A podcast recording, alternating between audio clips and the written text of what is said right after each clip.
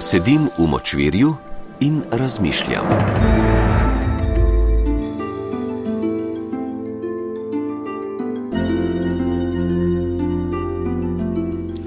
Zapisi iz močvirja.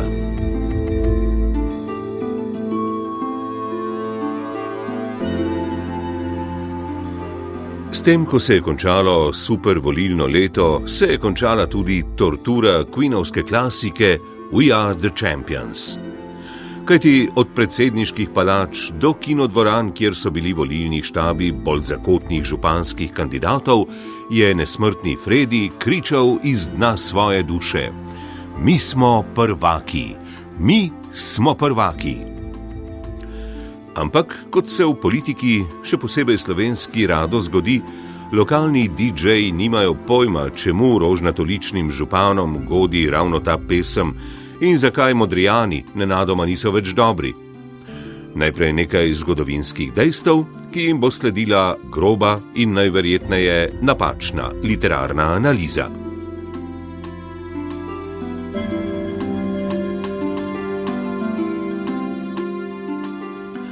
Pesem je Fredi napisal povsem sam, brez sodelovanja ostalih članov benda, in po njegovih besedah je imel v mislih nogometno moštvo oziroma nogometno tekmo, ki se triumfalno konča z zmago.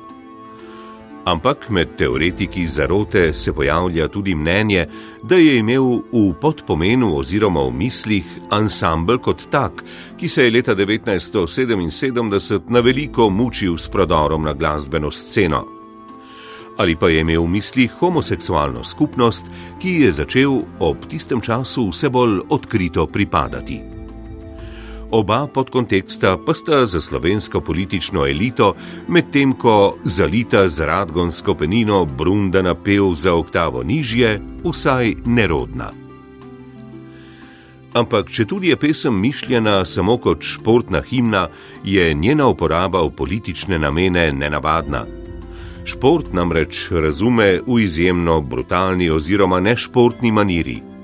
Vers, kjer nasprotno moštvo označi ne le kot poražence, temveč tudi za zgube, se pravi izjemno nešportno in slabšalno, je začinjen še z verzom: Za zmago se bomo borili do samega konca. Oboje šport postavlja daleč onkraj humanega in viteškega boja, v okrilje gladiatorstva. In če so županski kandidati z na novo prebujeno slovensko strpnostjo na lokalni ravni svojim protikandidatom med kampanjo še zatrjevali, da je sodelovanje glavna maksima tokratnih volitev, so jim že ob večernem piru zabrusili, da niso nič drugega kot navadni luzeri in da za njih ni prostora v tej občini, v tem parlamentu ali tej državi. Ni najbolj jasno, kdaj je prvi politik zlorabil to popevko, a zgodovina beleži, kdo jo je najbolj grobo. Donald Trump jo je s svojimi privrženci prepeval med volilno kampanjo za republikansko nominacijo in kitarist skupine Brian May je bil na tem primerno ogorčen, ampak seveda se Donald ni dal motiti. Vendar kot slovenski politiki je tudi Donald svoje razumevanje skladbe zamrznil pri refrenu. Zadeva je namreč ta, da je besedilo pesmi izven referena izrazito neprimerno, da bi jo predstavniki ljudstva ali pa izvoljeni javni uslužbenci ponotranjili kot svojo himno. Poglejmo. V prvem verzu pesem pravi, da je dotični plačal vse svoje dolgove. Nerodno, če je politik dolgove kdaj sploh imel ali bog ne daj, da jih še ima. V nadaljevanju pevec pravi, da je odslužil kazen, čeprav ni storil nobenega zločina, kar je tipičen izgovor slovenskih pravnomočno obsojenih politikov. In naprej slovenski politiki pojejo, kako so naredili nekaj res hudih napak, kar drži, in da so preživeli tudi metanje peska v obraz.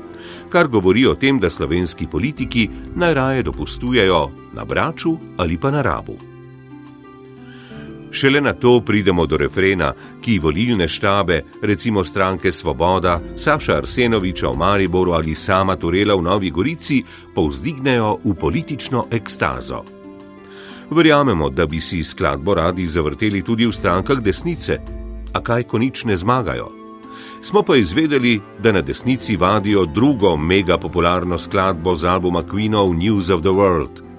Ob naslednji volilni sezoni bodo tokrat zmagovito levico napadli z We Will Rock You. Pa gremo naprej po poti šampionov ali šampinjonov, kot rado spouzi z nekoliko okorelega jezika v zadnji uri zmagovalne zabave. Drugi del sage o prvakih, se pravi po prvem refrenu, je še nekoliko bolj skrivnosten kot prvi.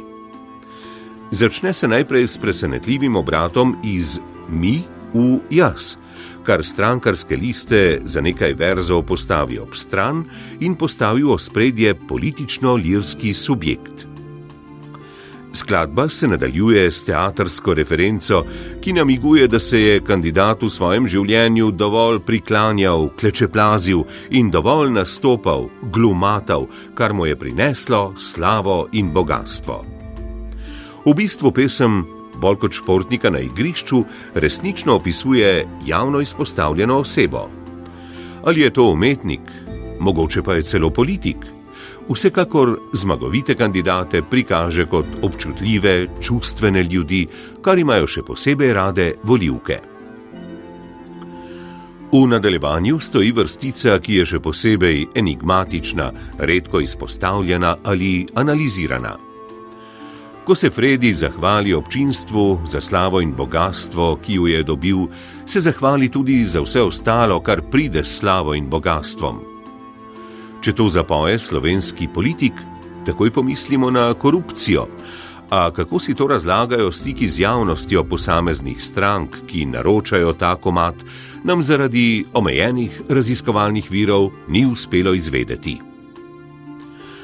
Na to se pesem nadaljuje s tem, ko opiše volilno kampanjo kot skrajno težavno, daleč od tega, da bi jim bilo med njo poslano z rožicami ali da bi bili na oddihu.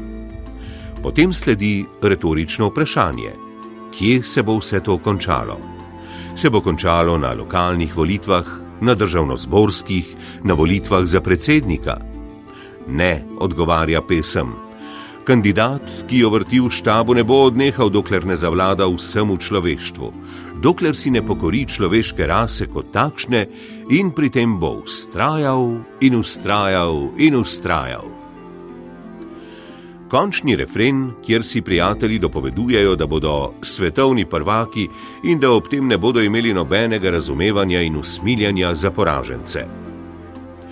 Pa še zadnji namig. Pesem se ne konča z verzom prvaki sveta, kot se končuje refren predtem. Teoretiki zarote v tem vidijo zloveščo napoved, da še takšen šampion, še takšen prvak nekoč pade.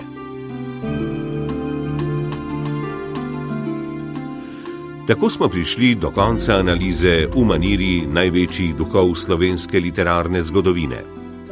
Seveda nam tega ne bi bilo treba početi, če bi ob volilnih zmagah politiki recitirali preširna, ki je natančno razložen od spredaj nazaj in od zadaj naprej. Ali pa če bi vrteli kaj iz bogate zakladnice slovenskega popa, kjer pa ni česa razlagati.